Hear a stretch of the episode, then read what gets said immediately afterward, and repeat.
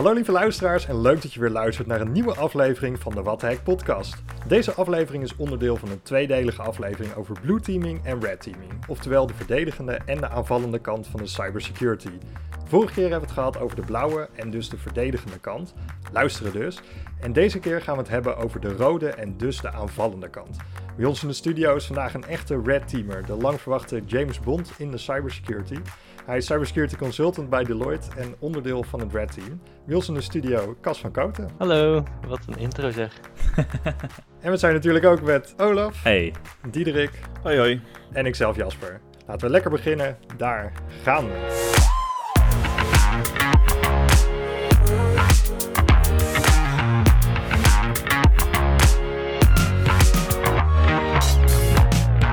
Deze tweedelige reeks gaan we het dus hebben over de blauwe, de verdedigende kant, en de rode, de aanvallende kant van de cybersecurity. En deze aflevering staat volledig in het teken van die aanvallende rode kant. Nou, bij ons in de studio is dus uh, Cas. Zou je ons eens kunnen vertellen wat je nou doet voor je werk? Ja, zeker. Um, nou ja, je, je, zegt het zelf eigenlijk uh, heel goed. Wij, uh, wij houden ons bezig met het, het, het, het, naspelen eigenlijk van, van aanvallers. Dat noemen we dus, uh, dus red teaming, uh, uh, een term uit het leger.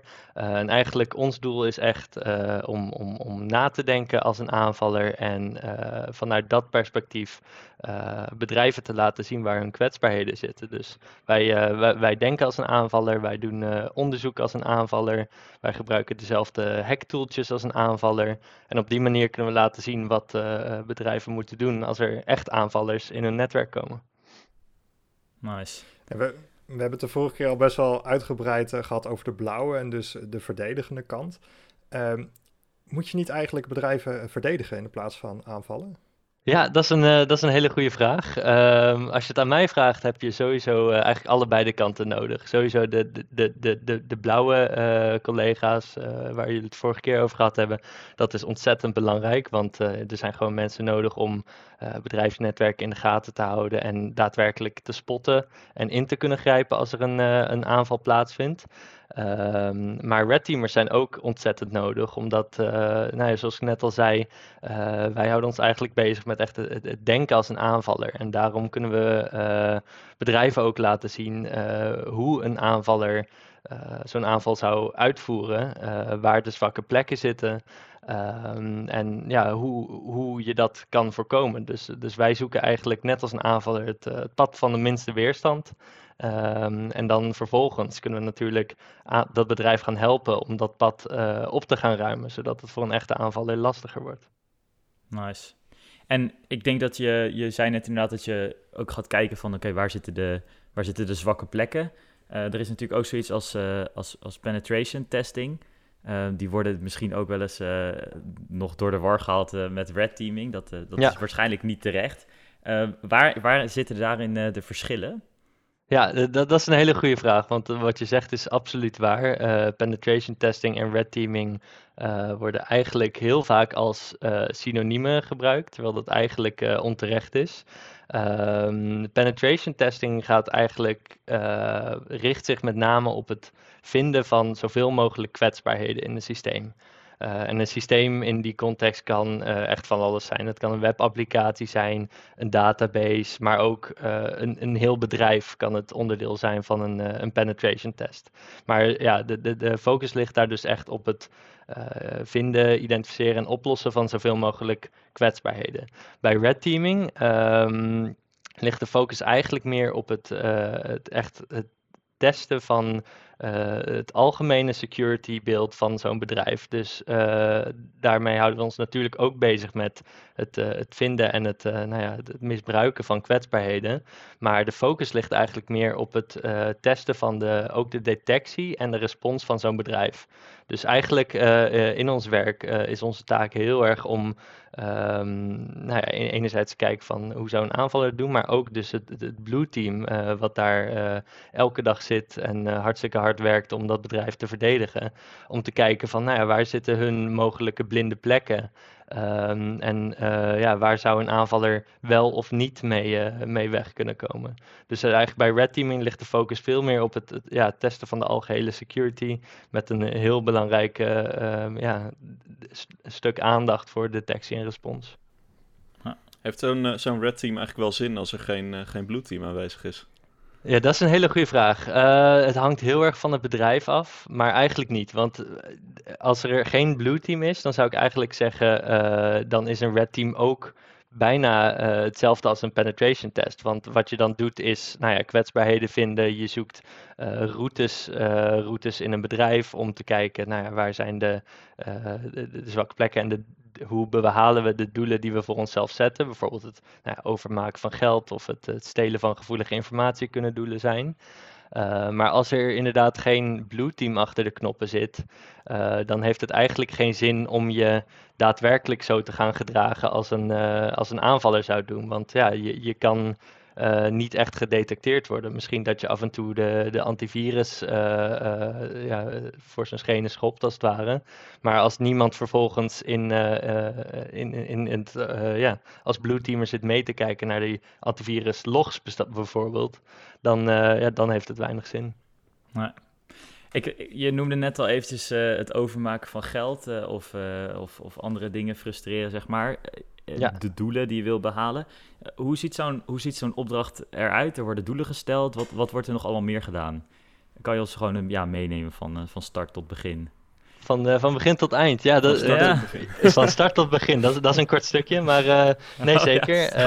Um, ja, eigenlijk, uh, het begint heel erg met nee, de, de doelen, zoals genoemd eigenlijk. Dat zijn dus heel erg doelen geredeneerd vanuit ja, vanuit de business, dus vanuit het bedrijf. Uh, en eigenlijk ja, de persoon die ons inhuurt, gaan we dan het gesprek mee aan om eigenlijk een beetje te polsen van nou ja, waar, uh, waar lig je nou s'nachts wakker van. En dat kan ontzettend verschillen per bedrijf. Een, een, een, een, een, fabriek bijvoorbeeld zou kunnen zeggen van nou ja, ik wil echt nooit dat mijn lopende band stil komt te liggen. Dus de productie of de geen, kan je geen kaas meer maken. Dat zou vreselijk zijn. Dan uh, heeft Albert Heijn straks geen, uh, geen kaas meer in de schappen. Uh, dus nou, dat kan heel erg in de operatie liggen. als je het aan een, aan een bank zou vragen, dan, dan gaat het waarschijnlijk om het, het, beschermen van geld. Dus bijvoorbeeld het overmaken van grote sommen geld naar een rekening zonder dat ze het doorhebben. Nou, als je het zou vragen aan een bedrijf wat zit op een enorme stapel intellectueel eigendom, nou, dan gaat het waarschijnlijk om het stelen van dat, dat eigendom. Uh, en het kan ook, uh, ja, het, het, kunnen ook kleinere doelen zijn, bijvoorbeeld uh, inbreken in de e-mail-inbox van de CEO van een bedrijf. Dat gebeurt ook nog wel eens. Collega's hebben laatst een opdracht gedaan waar ze moesten kijken of ze pizza bij iemand konden bezorgen door, dat, door dat bedrijf. Dus ja, het, kan echt ontzettend verschillen, maar die doelen komen dus heel erg voort uit nou ja, wat, wat, wat wil de business zien? En ja, dat daar heel dichtbij ligt natuurlijk. Wat zijn een beetje de, de meest waardevolle uh, ja, assets, zoals we dat noemen. Dus de meest waardevolle zaken van zo'n zo'n bedrijf. Ja. Um, en ja, dan ga je eigenlijk bespreken hoe, uh, hoe ziet dat red team eruit. Uh, het hoeft niet altijd zo te zijn dat je uh, volledig van, vanaf het perspectief van een aanvaller die helemaal buiten het netwerk staat, helemaal tot aan die doelen alles hoeft te doen. soms is bijvoorbeeld de keuze, en dat noemen we dan assume breach, dat je eigenlijk vooral met het oog op de tijd en efficiëntie van de opdracht, dat je al begint in het netwerk van een bedrijf. En nou ja, de naam Assume Breach is natuurlijk dat je eigenlijk aanneemt van ja, we worden toch ooit wel gehackt. Ja. er, er komen, als mensen het willen, komen ze waarschijnlijk toch wel in ons netwerk. Dus wat zou een hacker vanaf daar doen? Dus dat is een, uh, dat is een optie die we vaak zien. Um, heel vaak hebben we ook het, het, stukje ervoor erbij. Dus dan kijk je naar eigenlijk het, het, vanaf de buitenwereld, dus het grote boze internet als het ware, proberen binnen te komen in zo'n netwerk. Um, nou, wat we daar vaak als onderscheid zien is ofwel we maken misbruik van kwetsbaarheden in websites bijvoorbeeld. en op zo'n manier kan je, kan je binnenkomen. Dat noemen we dan de, de, ja, de externe infrastructuur. Um, of je uh, maakt misbruik van, uh, van eigenlijk de mensen die achter de knoppen zitten. Dus het grootste voorbeeld daarvan is natuurlijk phishing. dat is al, al heel lang een hele effectieve ja, manier om bedrijven binnen te komen en dat is het nog steeds. Um, dus dat, ja, dat kun je er ook nog bij verzinnen. Uh, ja, dus, dus als je, eh, ja, dat bepaal je dan een beetje met de klant en dan uh, vervolgens ga je het uitvoeren. Ja, hoe zo'n opdracht er zelf uitziet, dat hangt dus ontzettend af van wat voor bedrijf is het, wat zijn de doelen die gezet zijn, hoe volwassen zijn ze als het ware in hun verdediging, dus wat voor producten hebben ze draaien om, om te monitoren, hoe snel zien ze eventuele alerts die er in het, in het SOC, dus bij de blue teamers, naar boven komen. Um, en ja, hoe reageren ze daarop en hoe snel? Um, en ja, dat kan dus uh, variëren van uh, ontzettend moeilijk voor onze red teamers, omdat als je één, uh, één verkeerd commando tikt, word je dus soms al uitgetrapt. Dat, dat hoort oh, ook ja. gewoon bij het, bij het spelletje. Um, maar soms begin je ook heel voorzichtig en dan heb je door, naarmate je meer commando's tikt, dat je eigenlijk overal mee wegkomt. Dus wat we dan doen is, ook om de klant te helpen, is eigenlijk gaandeweg van heel stil beginnen naar steeds iets meer herrie maken, zoals we dat eigenlijk noemen op het netwerk. Dus dan beginnen we met, uh, met heel um, geavanceerde tools, waarvan we eigenlijk zeker weten van, nou ja, hier komen we wel mee weg.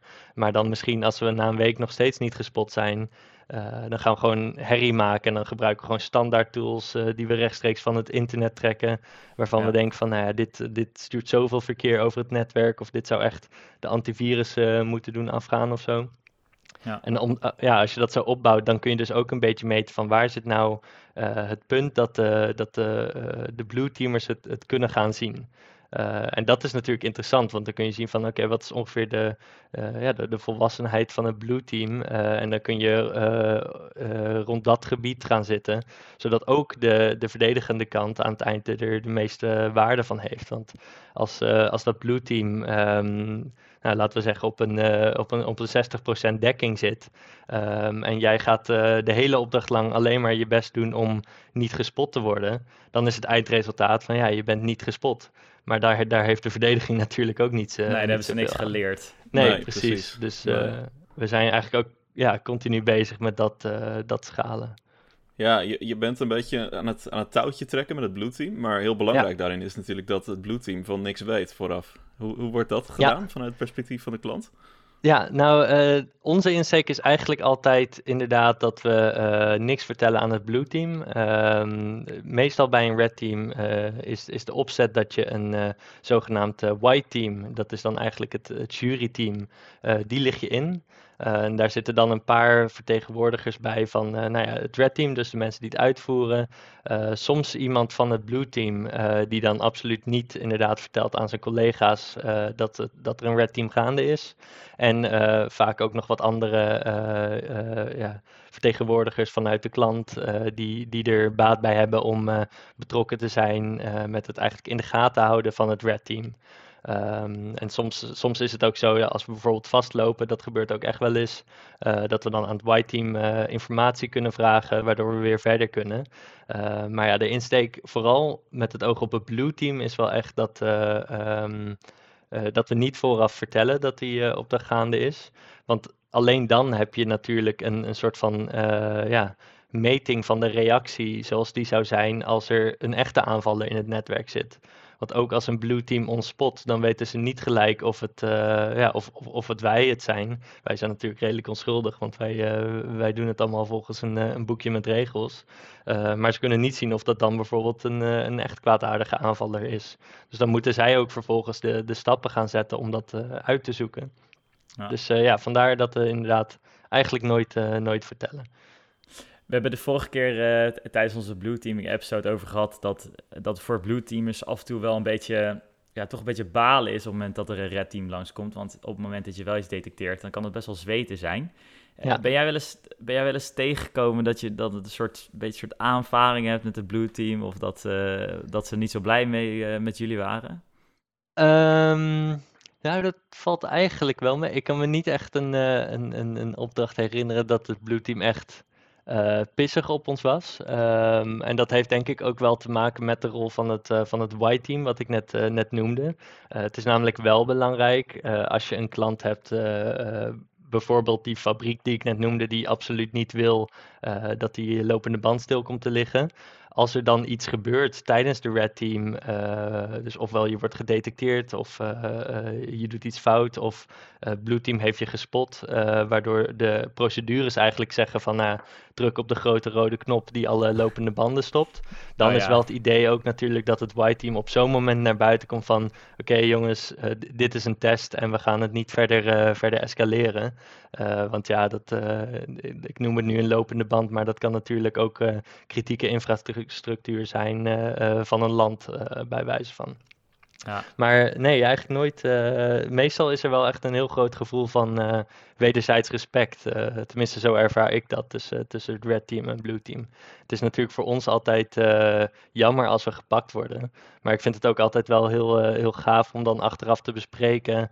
van ja, wat, wat, wat hebben jullie nou gezien? wat heeft er nou toe geleid dat, ehm, dat wij gepakt zijn?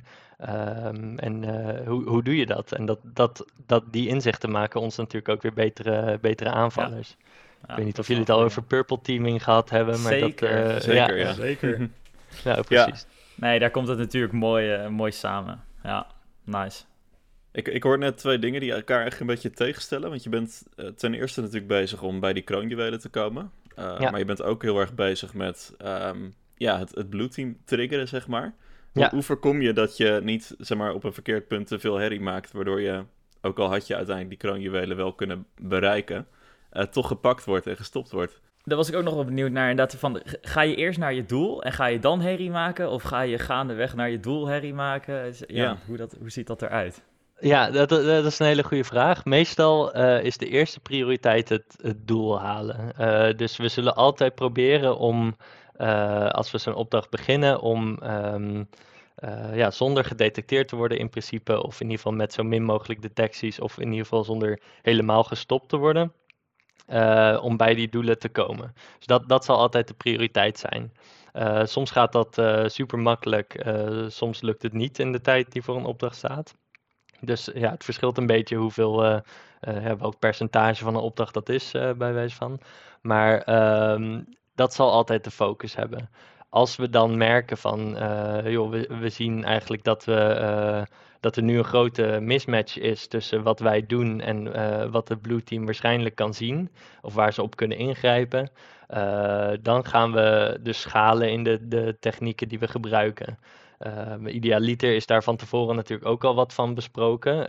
we willen eigenlijk zo min mogelijk weten over uh, hoe een omgeving eruit ziet. Maar we willen wel een beetje weten van oké, wat voor een, uh, technieken en wat voor een niveau uh, of profiel eigenlijk zouden jullie van ons willen zien als, als aanvallers. Ja. Want sommige bedrijven die maken zich zorgen over um, een groep criminelen met redelijk lompe manier van opereren die gewoon de deur intrapt en ransomware uitrolt als het ware. Ja, ja, ja, En andere, andere bedrijven die zijn echt bang voor, uh, voor Rusland, die uh, maandenlang in een netwerk zit, stilletjes luistert en dan is uh, een stukje informatie stilt. Dus daar moeten we natuurlijk ook rekening mee houden. Ja, het verschilt heel erg hoe dat er in een opdracht zelf uitziet. Nice. En dan toch nog even over die doelen. Um, ik ben benieuwd, als je het doel bereikt hebt, hoe, hoe, ver ga je dan? Dus stel je voor, je moet geld overmaken, maak je dan 1 euro over of een miljoen? Of als je pizza's bestelt, bestel je dan 1 of uh, 1000 pizza's? Ik weet niet. Ja, het, nou ja er, er, is natuurlijk altijd wel een, een soort van uh, een grens van redelijkheid. Uh, meestal als het echt de doelen zijn, dan, dan is dat ook al met de klant afgesproken. Dus met de pizza's, volgens mij ging het nou, in ieder geval minder dan, dan vijf pizza's. Dus een, een gewone bestelling aan, aan pizza's. Uh, met het geld overmaken, dat is wel een interessante. Want uh, vaak zitten er nog een soort van uh, ja, controles op een bepaald bedrag wat overgemaakt wordt.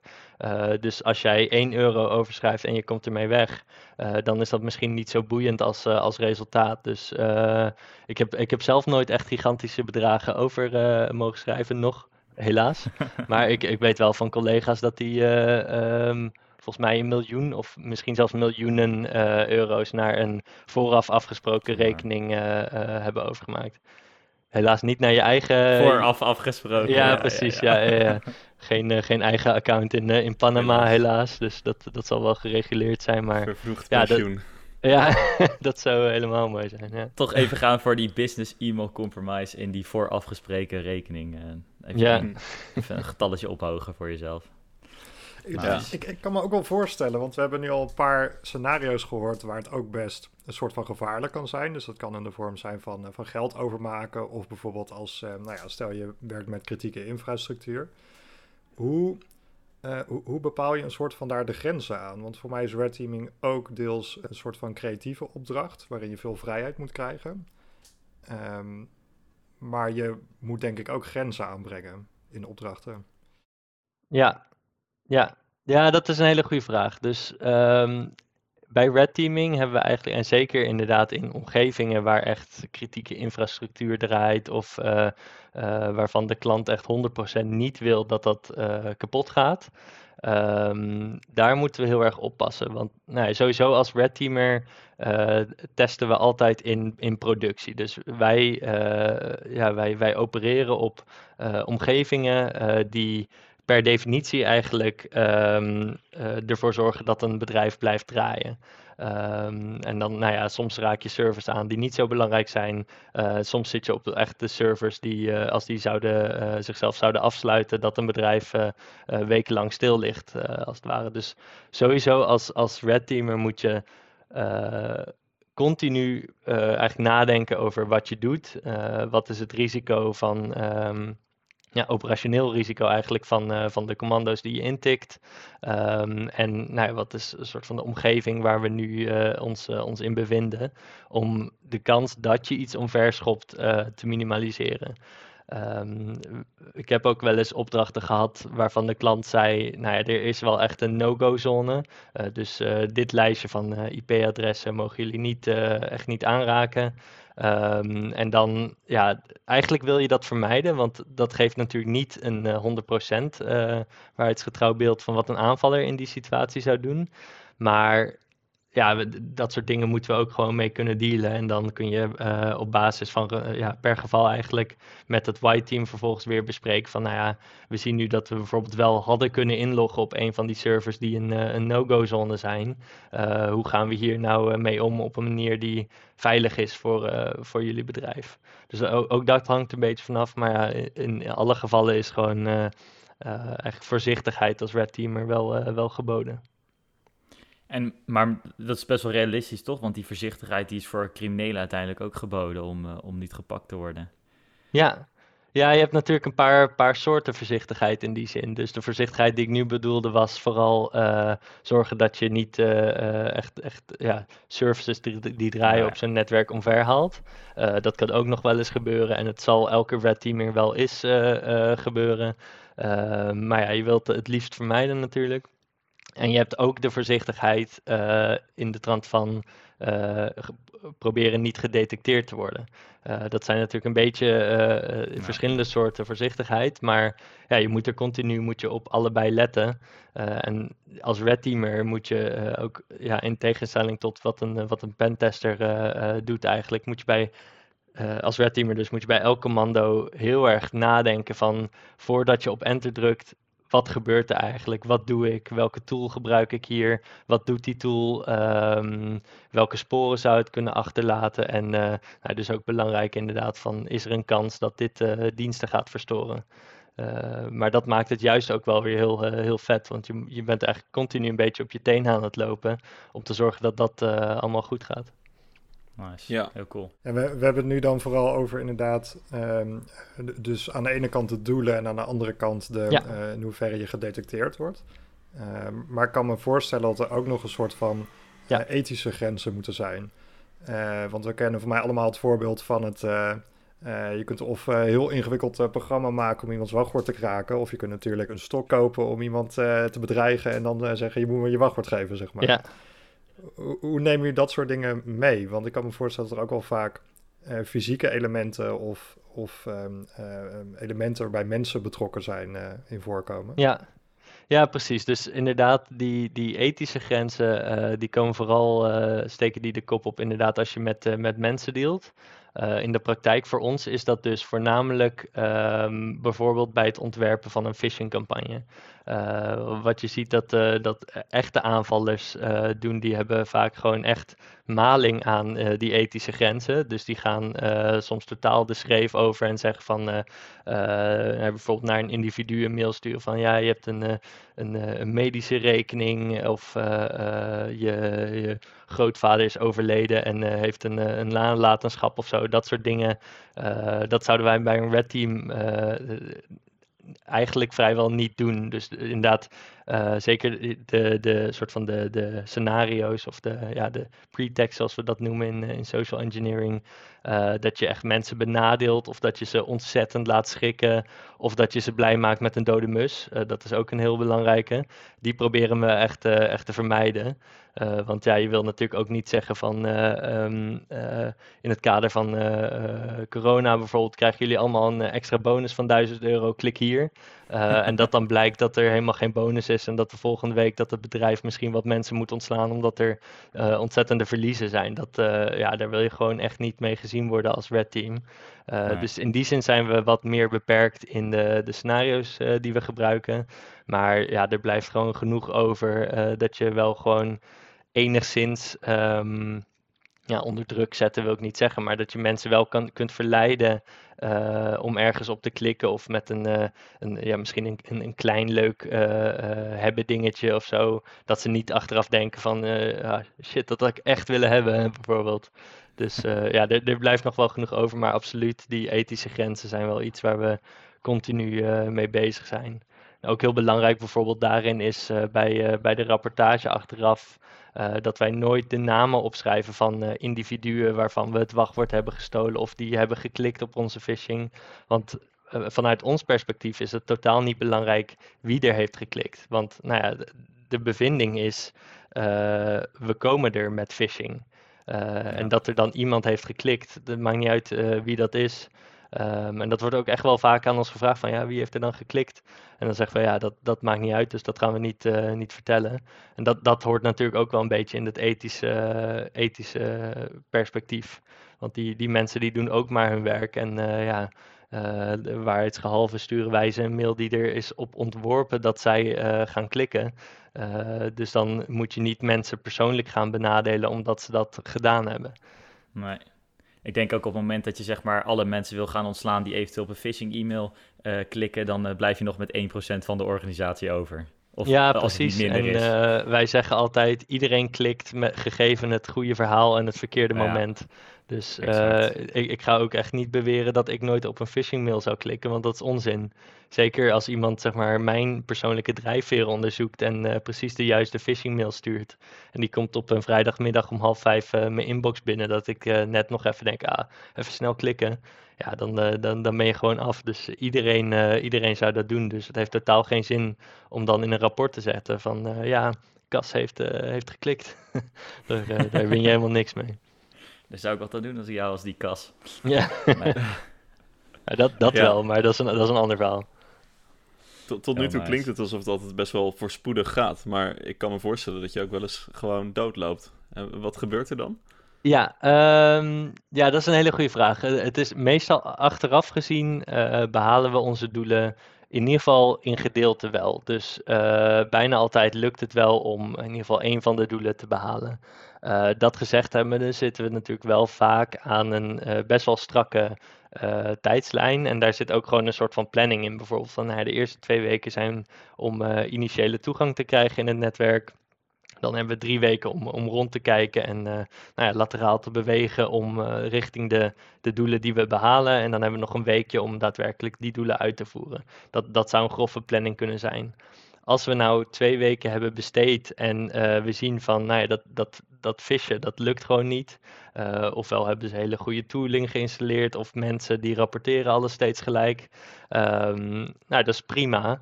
Uh, dat betekent namelijk dat de klant het goed in orde heeft. meestal gaan we dan, spreken we eigenlijk van tevoren af van, nou ja, op, op zo'n moment krijgen we een, een leg up, dus eigenlijk ja, een voetje. een voetje van de klant om, om op zo'n moment toch wel verder te kunnen. Dus ja, en best wel veel voorkomende is uh, als, als het ons niet lukt om te vissen, uh, dat we zeggen van nou ja, na twee weken krijgen we uh, alsnog een beetje op zo'n assume breach manier, krijgen we alsnog toegang tot het netwerk van de klant. En ja, dat, dat, dat is hartstikke goed. Zeg maar, voor ons is het dan jammer dat de phishing niet gelukt is. Maar vanuit de klant is dat goed. Dus het, het zou nergens op slaan dat je dan de hele red team een soort van afblaast. Ons zes weken om, onverhoopt laat, laat fishen. En dan zegt van nee, 100% veilig. Want in dat, in dat traject daarna zitten ook gewoon nog heel veel leermomenten. Dus uh, meestal gaat dat op, uh, op zo'n manier. Dus ja, 100% succesvol uh, zal het nooit zijn. Maar achteraf um, vind je altijd wel iets waarmee je naar je, naar je doelen kunt komen, zeg maar. Nice. Zou jij misschien voordat we naar het koffieblik gaan, maar dat komt straks nog wel, gewoon één, één soort van ja, misschien waar, waar, kan een soort coole casus uh, toelichten wat, wat jullie hebben gedaan, waarvan je denkt, daar ben ik trots op. Dat is echt uh, echt nice en was leuk om te doen.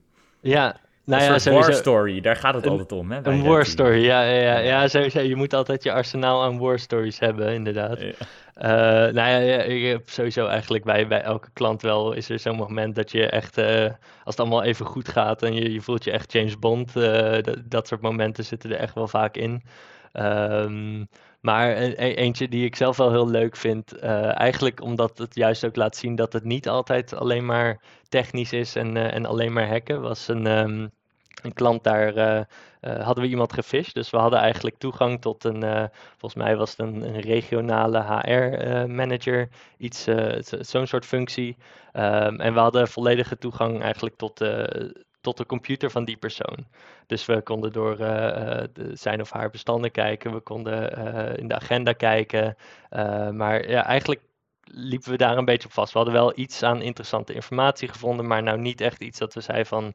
Um, hier, komen, hier gaan we echt onze doelen mee behalen of hier komen we verder mee, mee in het netwerk.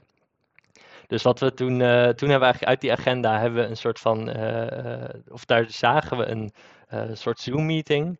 waar, waar de, de, titel was heel interessant. Dat was iets van een, um, ja, zo'n soort business term, een all hands global leadership oh, ja. meeting. iets in die trant. dus daar, daarvan dacht van, nou ja, een van de doelen was bedrijfsgevoelige informatie verzamelen. Dus dacht van, die meeting, die, daar moeten we gewoon in zitten. Uh, en dat was ook dat was een van mijn, uh, mijn eerste red teams. Dus ik zat er sowieso nog een beetje mee te kijken van wow, echt vet hoe al deze gasten dit, uh, dit allemaal doen, weet je wel. Um, ja, nice. En toen, nou ja, die, die avond zou de meeting zijn. Um, en eigenlijk al mijn collega's die, die moesten toen andere dingen doen. Dus er was vraag van, ja, kun je even die, die meeting bijwonen? En toen dacht ik eerst van, uh, ja, hoe ga ik dat nou doen? Iedereen zit daar met zijn camera aan en uh, uh, de, ja, de CEO van dat bedrijf, die zou daar een, een verhaaltje doen, dus daar kom ik nooit mee weg. de manier waarop we dat uiteindelijk gedaan hebben, is gewoon in te bellen als gast. En dan kun je meestal kun je gewoon een, een, een naampje opgeven. Dus uh, ik had ingevuld uh, connecting, puntje, puntje, puntje. Uh, waardoor iedereen dus zag in dat scherm dat connecting, puntje, puntje, puntje, nou, die meeting was gejoind. Maar ja, vervolgens blijft daar in het scherm en het overzicht met leden blijft staan, connecting, puntje, puntje, puntje. Dus iedereen dacht gewoon, iedereen oh, er is wachten. iemand aan het verbinden. dat hele uur lang heb ik lekker mee kunnen luisteren, een paar video's gemaakt, screenshots gemaakt van die CEO die aan het vertellen was. En uh, ja, dat was, uh, was hartstikke lachen. Achteraf was het niet, uh, niet wat we, we, ervan gehoopt hadden, die meeting. Maar het was wel gewoon. ik vond het gewoon wel een cool verhaal. Omdat zo'n simpel trucje, weet je al. dat je echt denkt van. ja, het is stom simpel. maar daarmee, daarmee kun je er ook komen soms. Dus dat vind ik ja, zelf wel een leuk, een leuk verhaal. Ja, Volgens blijkt dat het hele bedrijf hun Zoom in het Nederlands heeft geconfigureerd. ja, nee. precies. Nou, dat trappen mensen nog steeds in. dat denk verwacht... ik ook, ja mensen verwachten het ook gewoon niet, toch? Je bent daar, ja, wat, je bent er totaal niet mee bezig. Alsof er iemand, uh, zeg maar, rogue of illegaal, zeg maar, in, jou, in jouw Zoom-call zit. Nee, nee, precies. En hetzelfde geldt vaak over als we uh, bijvoorbeeld iemand fishen en uh, we nemen die persoon zijn, zijn laptop over. mensen nemen vaak aan van, nou ja, ik, ik word niet zomaar gehackt, waarom zou iemand mij hacken? Uh, in dit geval is dat ook zo, want nou ja, we gaan echt niet iemand, uh, uh, tenzij die een heel interessante functie heeft of iets dergelijks, specifiek als doel stellen. maar in, di in dit geval ben je dan een soort van collateral damage, om het even heel bot te zeggen, in het, in het grotere geheel. Ja, maar, ja, maar echt als je, als je ja, als je meldingen afzet met malware of uh, soms uh, moet je bijvoorbeeld ergens authenticeren, dan, uh, dan laat je gewoon zo'n pop-up op iemands scherm verschijnen van weet je zeker dat je wil inloggen. Oh ja, mensen mensen klikken gewoon op ja, want ja, je, je krijgt honderd van zulke meldingen op een dag. En ja, wie, wie gaat er nou vanuit dat er hackers in, in, zijn of haar laptop zitten om, om mee te kijken? Bijna niemand. Dus ja. Nou, we hebben vorige week hebben wij aan, uh, of vorige week, drie weken geleden alweer, bij een Olaf uh, Hartong, de Blue uh, Teamer, hebben we oh, gevraagd. Ja. Um, ja. hoe zie jij zeg maar dit, dit, deze battle tussen Blue en Red Teamers, hoe zie je die evolueren? Um, en ja, die vraag wil ik jou eigenlijk ook stellen. gaat het moeilijker worden of ja, wat verwacht jij? Lukt het nog um, over tien ehm, jaar om binnen te komen?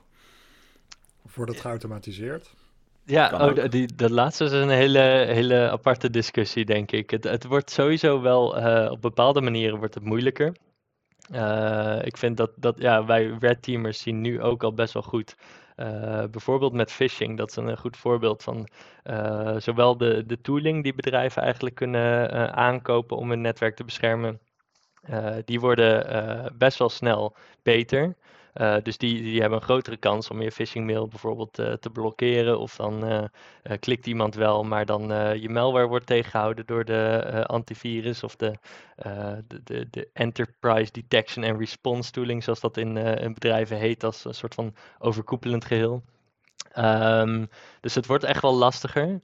Aan de andere kant, um, de, de verdedigers zullen ongetwijfeld ook zeggen, uh, en dat, uh, dat wil ik ook best erkennen, dat uh, er komen zoveel kwetsbaarheden uit. En eigenlijk elke, elke week is het weer raak dat er via Twitter weer een, een, kwetsbaarheid in Windows of in bepaalde, ja, bepaalde programma's die door bedrijven veel gebruikt worden.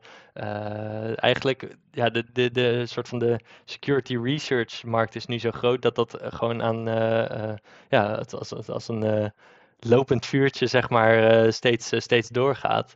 Uh, en daar kunnen wij dan weer misbruik van maken, zonder dat verdedigers er eigenlijk de, de kans voor hebben gekregen om dat ofwel op te lossen, ofwel zo te bouwen dat ze dat kunnen detecteren. Dus het is echt een, ja, echt een, een, een, een kat-en-muisspel in die zin. sowieso gaat denk ik wel ja, de, de, dat is eigenlijk wel gewoon een, een, zekerheid waar je vanuit kunt gaan dat de komende tien jaar uh, gaat dat, dat spel gaat er anders uitzien.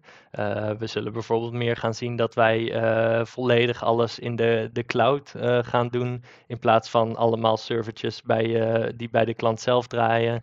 Um, daardoor zul je ook zien dat bijvoorbeeld phishing er anders uh, uit gaat zien.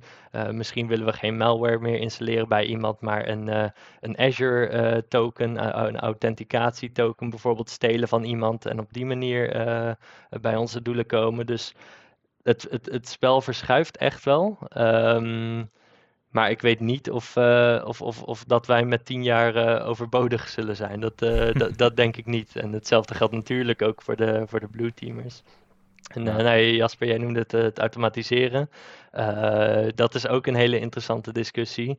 Ehm, ik denk wel dat tooling die eigenlijk automatisch um, red team-achtige trucjes kan uithalen om zo bedrijven een soort van te helpen continu te meten wat ongeveer hun, uh, hun profiel is uh, qua ja, detectie en, uh, en respons, die gaat wel groeien de komende jaren.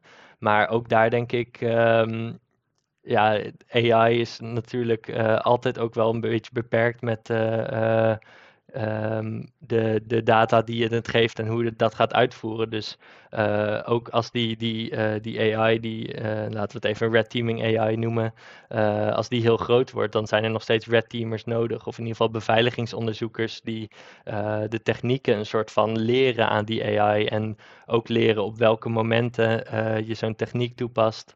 En nou ja, waar we het net over hadden, eigenlijk die continue afweging van is dit het risico waard om nu het commando te draaien?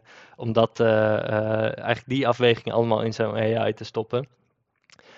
Ik ben een beetje sceptisch of dat de komende tien jaar echt tot op die volwassenheid zou komen. Ik denk wel, er zijn gewoon al heel veel goede security scanners bijvoorbeeld. En automatisering kan in die zin echt wel helpen. Um, Maar in die zin ben ik voorlopig ook nog niet bang dat mijn, naam, mijn baan wordt, wordt ingenomen door de robots. sterker nog, ik, ja, ik denk dat die automatisering is gewoon iets wat we moeten omarmen op de juiste momenten. Om bijvoorbeeld ook bij, bij pentesten, als het niet zozeer gaat om detectie, om in korte tijd gewoon heel efficiënt en effectief een klant te kunnen testen. Daarvoor, daar zie ik de AI wel, wel heel groot worden. Nice. Cool. We gaan het meemaken. Nee, ik heb het uh, koffieblik weer gevuld. En uh, Kast, er zitten allerlei vragen in van, uh, van alles en nog wat. die kunnen zijn van luisteraars. dus ook als je nu luistert en denkt, ik heb voor de volgende keer een leuke vraag, stuur het op. maar er kan echt van alles in zitten. Er kan on-topic zijn, het kan off-topic zijn. Het kunnen hele spannende vragen zijn of hele simpele vragen. En voor mij hebben we precies genoeg tijd om er nog een paar vragen uit te halen. Ik ben benieuwd. dus ik ben heel benieuwd toch altijd weer uh, spannend als zo'n vraag uit die, uh, uit die komt. Um, oh, dit is wel een leuke vraag. Stel, je zou niet een, uh, een, een white hat, dus een goede hacker zijn, maar een, maar een slechte hacker. En je wil bijvoorbeeld heel veel geld verdienen. Wat zou dan jouw verdienmodel zijn? Oh, dat is ook wel een hele actuele vraag, denk ik. Het, sowieso natuurlijk wat we heel erg zien de, de afgelopen tijd, wat eigenlijk vrijwel alle uh, grootschalige criminaliteit die zich echt richt op uh, ja, geld verdienen door middel van hacken. Uh, dat is bijna allemaal ransomware tegenwoordig. Dus ja, ik denk als het echt zou gaan om zoveel mogelijk geld verdienen voor mezelf en het zou me allemaal niet schelen inderdaad de, de, dat het illegaal is en wat de pakkansen zijn.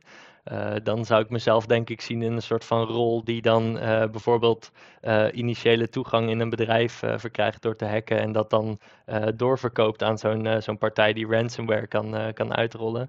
Uh, als mijn, uh, mijn, mijn darknet kennis goed zit, zou dat dan uh, nou, rond, de, rond de 1, zeg maar 1 tot 5 ton kunnen opleveren per, als je klanten pakt van het formaat die ik nu voor mijn werk hack, zeg maar. Dus dat is een, stukje meer dan ik nu als red teamer verdien, kan ik daar ook bij zeggen. Um, maar goed, eh, zou ik het aanraden? Uh, nee, totaal niet. Ik denk ook dat uh, bijvoorbeeld de Nederlandse politie een, een heel goed voorbeeld is van hoe dat soort partijen en ook bijvoorbeeld die jongen van de phishing kit van laatst, ja. dat die ook gewoon allemaal worden opgerold. Dus ja. nee, ik, ik blijf lekker op mijn brave stoel zitten. Maar goede vraag wel. Nederland is eigenlijk wat dat betreft gewoon een slecht land om, om dit soort trucjes uit te voeren. Hè? Er is natuurlijk ja internationaal uh, politiek nog wel wat te doen om, uh, om hackers die in Rusland of China zitten. Want daar is die pakkans uh, nagenoeg nou, nul, zou je bijna kunnen zeggen. Ja. Ja, dat is toch ja, helaas in Nederland geboren. Dan maar white hat hacker worden. Dan maar white hat. Zo zou ik het zelf ook niet zeggen, maar ik vind het wel een mooie uitspraak. Ja, leuk. Ik ga nog een vraag uit de blik halen. Even kijken. Dat was wel een leuke vraag. Eens even kijken. Hoe, uh, hoe blijf je eigenlijk up-to-date met de nieuwste aanvallen? Oh, die is heel on-topic. Uh, dat is een, een hele goede. Um, nou, ik, uh, ik vind het zelf altijd super leuk om gewoon eigenlijk mijn halve dag door, door Twitter te scrollen. ik, ik probeer zelf best, best actief te zijn op Twitter in het kader van nou ja, kennis delen met, met, met de community, zeg maar. Uh, maar daarbij zit natuurlijk ook gewoon het uh, up-to-date blijven met uh, sowieso enerzijds wat gebeurt er überhaupt in, in cyberland. Dus denk aan de grote ransomware aanvallen. wat, wat doet een beetje de, de markt als het ware. Um, en, en, dat soort zaken. Maar ik volg natuurlijk ook gewoon heel veel andere red teamers op, op platforms als Twitter. En die delen ook gewoon allemaal kwetsbaarheden die ze vinden. trucjes die je bij klanten kunt uithalen om al dan niet ongedetecteerd bepaalde geheimen te verzamelen, bijvoorbeeld. dus ik, ik denk dat ja, voor mij persoonlijk is dat de grote bron van um, kennis als het ware. Daarnaast sowieso als red teamer is het ongelooflijk belangrijk om, ja, om, om precies dat te doen eigenlijk. Want um, onze hele waarde naar klanten toe is dat wij kunnen denken als een aanvaller, maar ook inderdaad de actuele eh, kennis hebben die een aanvaller zou hebben uh, als ze zo'n aanval willen uitvoeren. Dus uh, ja, eigenlijk al onze, ons halve businessmodel is die kennis hebben en kunnen toepassen in de, in de juiste situaties. Dus vandaar ook dat ik, dat, dat ik Red Team zo, zo leuk vind. Um, want ja, je, je wordt eigenlijk gedwongen om, uh, om op die manier up-to-date uh, te blijven. Zoals ik net al zei, ja, het is eigenlijk bijna elke week dat er dan weer een, uh, een, een lek in Windows gevonden wordt. Of, of een, een, ja, een grote bijvoorbeeld VPN-programma waarmee alle medewerkers op afstand in een bedrijf kunnen komen. Dat ineens blijkt dat iedereen op afstand in een bedrijf kan komen. dat zijn natuurlijk ook de momenten dat, dat die informatie uitkomt. Uh, en je zit op dat moment op een klant waar je dat kan toepassen, uh, dan is dat ook wel heel interessant als je dat gelijk, uh, gelijk kunt doen. Ik, ik vind het toch wel mooi om te horen dat jij echt daarop zit te wachten op het moment dat dat gebeurt. Want ik, ik ken ook een beetje de ervaring vanaf de Blue Team kant. En dan is het dus van, oh jongens, Oh, daar gaan we weer. Het gebeurt weer, ja. kritieke, kwetsbare vulnerability. En we moeten weer de hele nacht op blijven om te patchen. Ja, ja ja, Toch, ik denk dat er, uh, dat er veel mensen in Nederland zitten te wachten op een baan waarvoor ze de helft van de tijd op Twitter kunnen zitten. Ja, ja precies. Ja, de, de helft is misschien een beetje een, uh, een overstatement voor als mijn baas luistert. Maar uh, nou, ik heb ook uitgelegd dat het, dat het zich weer, weer terugbetaalt. Dus hopelijk wordt er niemand boos op me dat ik dat gezegd heb. dat zal wel meevallen. Zullen het er niet uitknippen? nee, precies. Ik durf het aan. Nice. Nee, dat, uh, dat was het koffieblik weer. En uh, uh, het is tijd voor onze eerste rubriek, het cyberwoord van de maand. in de line-up, de vorige episodes, hebben we al een aantal cyberwoorden gekozen van de maand. Namelijk, er komt die digo- digibetocratie, datalekkernij, hyperconnectiviteit en blockchainboerderij. ontzettend leuke woorden. Dus de vraag is natuurlijk, hoe gaan we daar deze maand weer, weer overheen? ik geloof dat we een aantal leuke kandidaten hebben in ieder geval. Wie, wie zal ik eerst het woord geven? Ik zie Olaf heel enthousiast kijken. Ik wees omhoog. Oh, hij wijst naar boven. Oh. Alleen dat is hetzelfde als je hand opsteken. Dat is heel dom. Goed, nee, vooruit. Um, nou ja, ik lees natuurlijk trouw, uh, trouw de krant elke week. Bijna elke dag eigenlijk. En uh, deze week las ik in het NRC een, uh, een bijzondere kop. Ik kan precies zien wanneer ik gepegasust ben. Een beetje een bijzonder cyberwoord wordt dat. Misschien eerder een cyberwerkwoord. Um, maar goed, ik ben gaan lezen. Uh, blijkt dus dat, dat Pegasus eigenlijk een stukje spyware is. Dat wordt uh, ontwikkeld door een Israëlisch bedrijf. En dat is gemaakt om telefoons te infiltreren uh, op een, nou ja, vrij um, verborgen wijze. En daaruit data te exfiltreren. En dat wordt verkocht aan bijvoorbeeld inlichtingendiensten, zodat ze criminelen en terroristen in de gaten kunnen houden. Um, nou blijkt dus dat die spyware niet alleen maar bij criminelen en terroristen op hun telefoon staat, maar ook bij uh, journalisten en ministers en uh, een aantal andere um, wel, mensen die, uh, die dit niet op hun telefoon zouden moeten hebben. De Franse um, president. Ja. De Franse president, ook een voorbeeld, inderdaad. En er, ja, er loopt nu een onderzoek naar, naar hoe dat nou kan gebeuren. Um, maar goed, als je dus die spyware op je telefoon hebt, dan ben je dus gepegasust. Nice. dus dan wordt het cyberwoord denk ik Pegasussen of zo. Ja, nou, ik wil nog wel een tegenvoorstel doen. Uh, ik, ik, uh, ik, zag een mooie kop in de Volkskrant.